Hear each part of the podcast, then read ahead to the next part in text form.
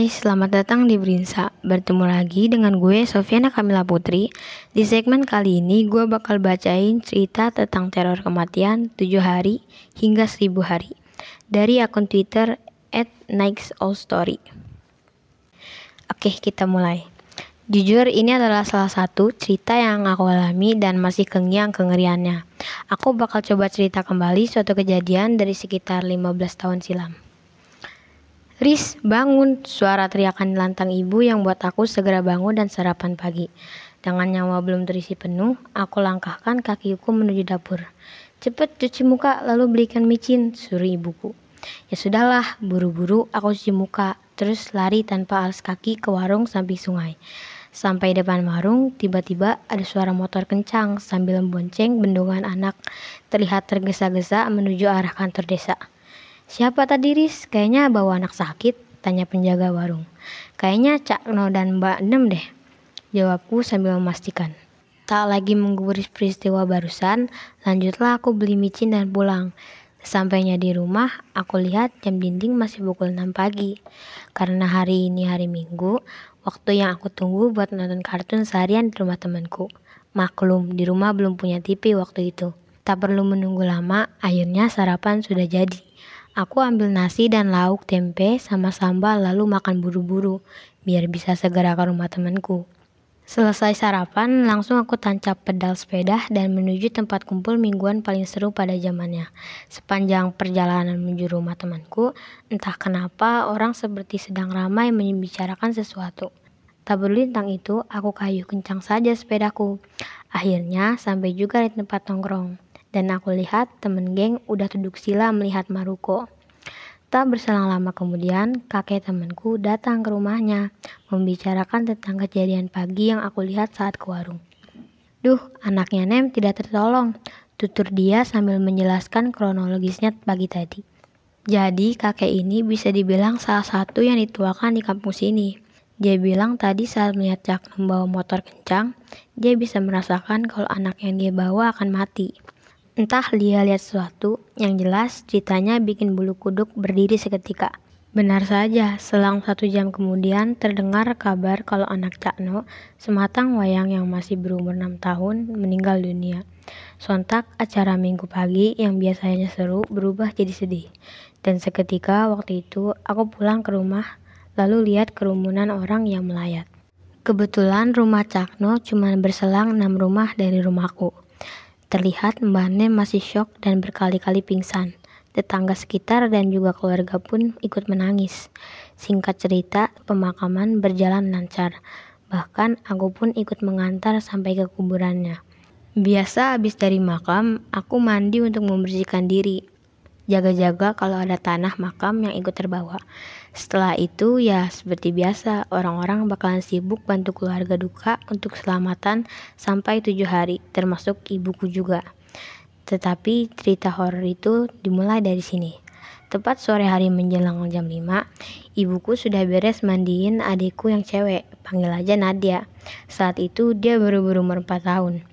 Waktu itu aku, ibu, bude, dan Nadia main-main di teras rumah seperti biasa.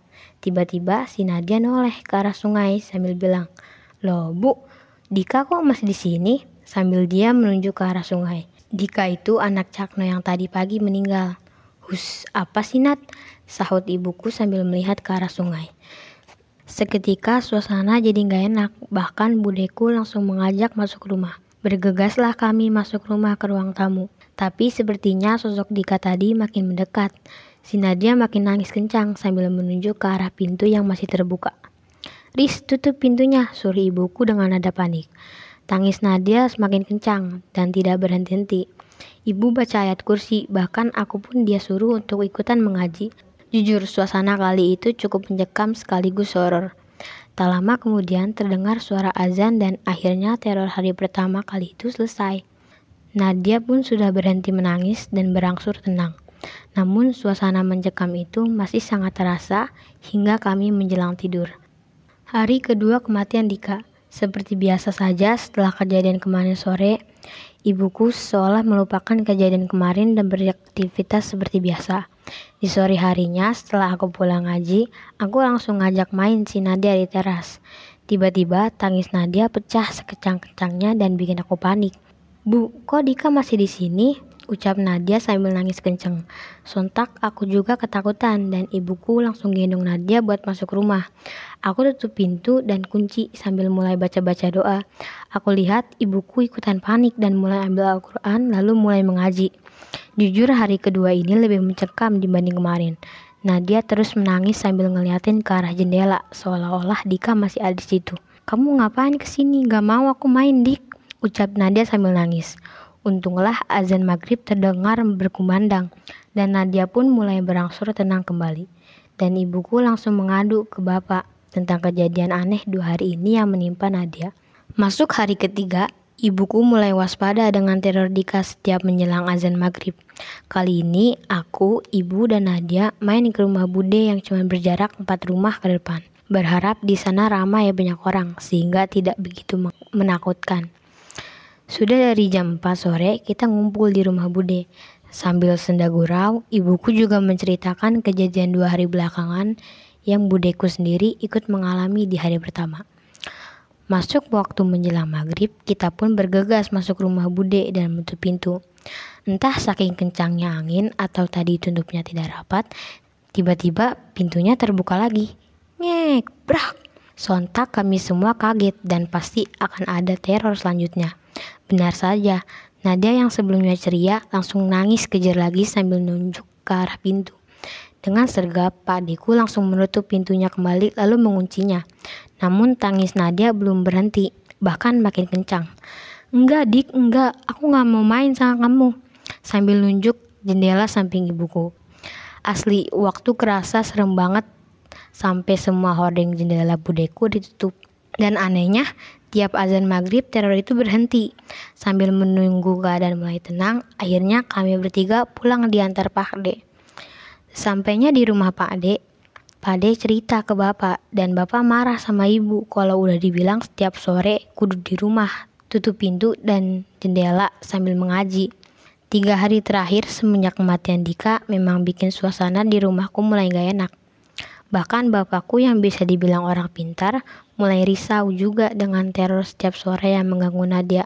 Hari keempat, terlihat masih pagi buta, bapak sudah bangun dan bergegas ke belakang. Dia masuk ke kamar tempat dia menaruh pusaka dan juga barang klinik lainnya. Sepertinya mau melakukan sesuatu untuk menangkal teror menjelang maghrib itu. Hari keempat, terlihat masih pagi buta, bapak sudah bangun dan bergegas ke belakang. Dia masuk ke kamar tempat dia menaruh pusaka. Sepertinya mau melakukan sesuatu untuk menangkal teror menjelang maghrib itu, sambil membawa bungkusan kain hitam yang dililit benang lalu menuju ke arah ruang tamu. Riz, buru pegang kursinya ini. Perintah bapakku sambil menggeser kursi ke arah pintu. Bapakku langsung naik ke atas kursi dan memaku bungkusan hitam yang tadi tepat di atas pintu rumah. Waktu itu jujur aku tidak tanya lebih banyak tentang bungkusan itu. Pokoknya dalam pikirku semoga hari ini teror itu sudah tidak ada. Jam sudah menunjukkan pukul 5 sore. Akhirnya ibu menyuruhku untuk menutup semua horden, jendela, dan juga pintu.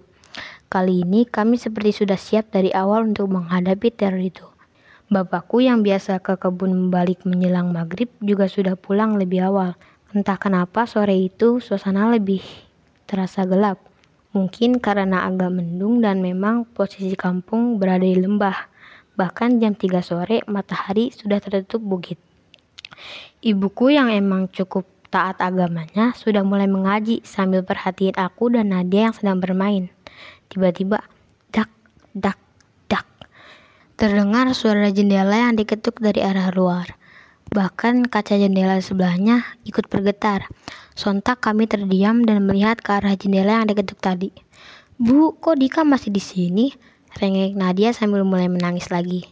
Gak mau aku Dik bermain, ucap Nadia lagi sambil nangis. Sepertinya si Nadia lihat kembali sosok Dika dari celah-celah horden yang tidak bisa tertutup sempurna. Jujur, kali ini aku pun ngerasa energi teror tersebut semakin kuat. Seolah jimat yang dipasang bapak tadi tidak berpengaruh sama sekali. Malah sepertinya sosok ini terkesan lebih kuat. Melihat Nadia mulai menangis, ibuku langsung narik Nadia dan menggendongnya dengan erat. Kemudian dia bicara dengan suara lantang. Ngapain kamu di sini? Jangan ganggu anakku. Sudah kamu tenanglah di sana. Jujur, kami sekeluarga tidak bisa melihat sosok itu dan hanya Nadia yang bisa melihat.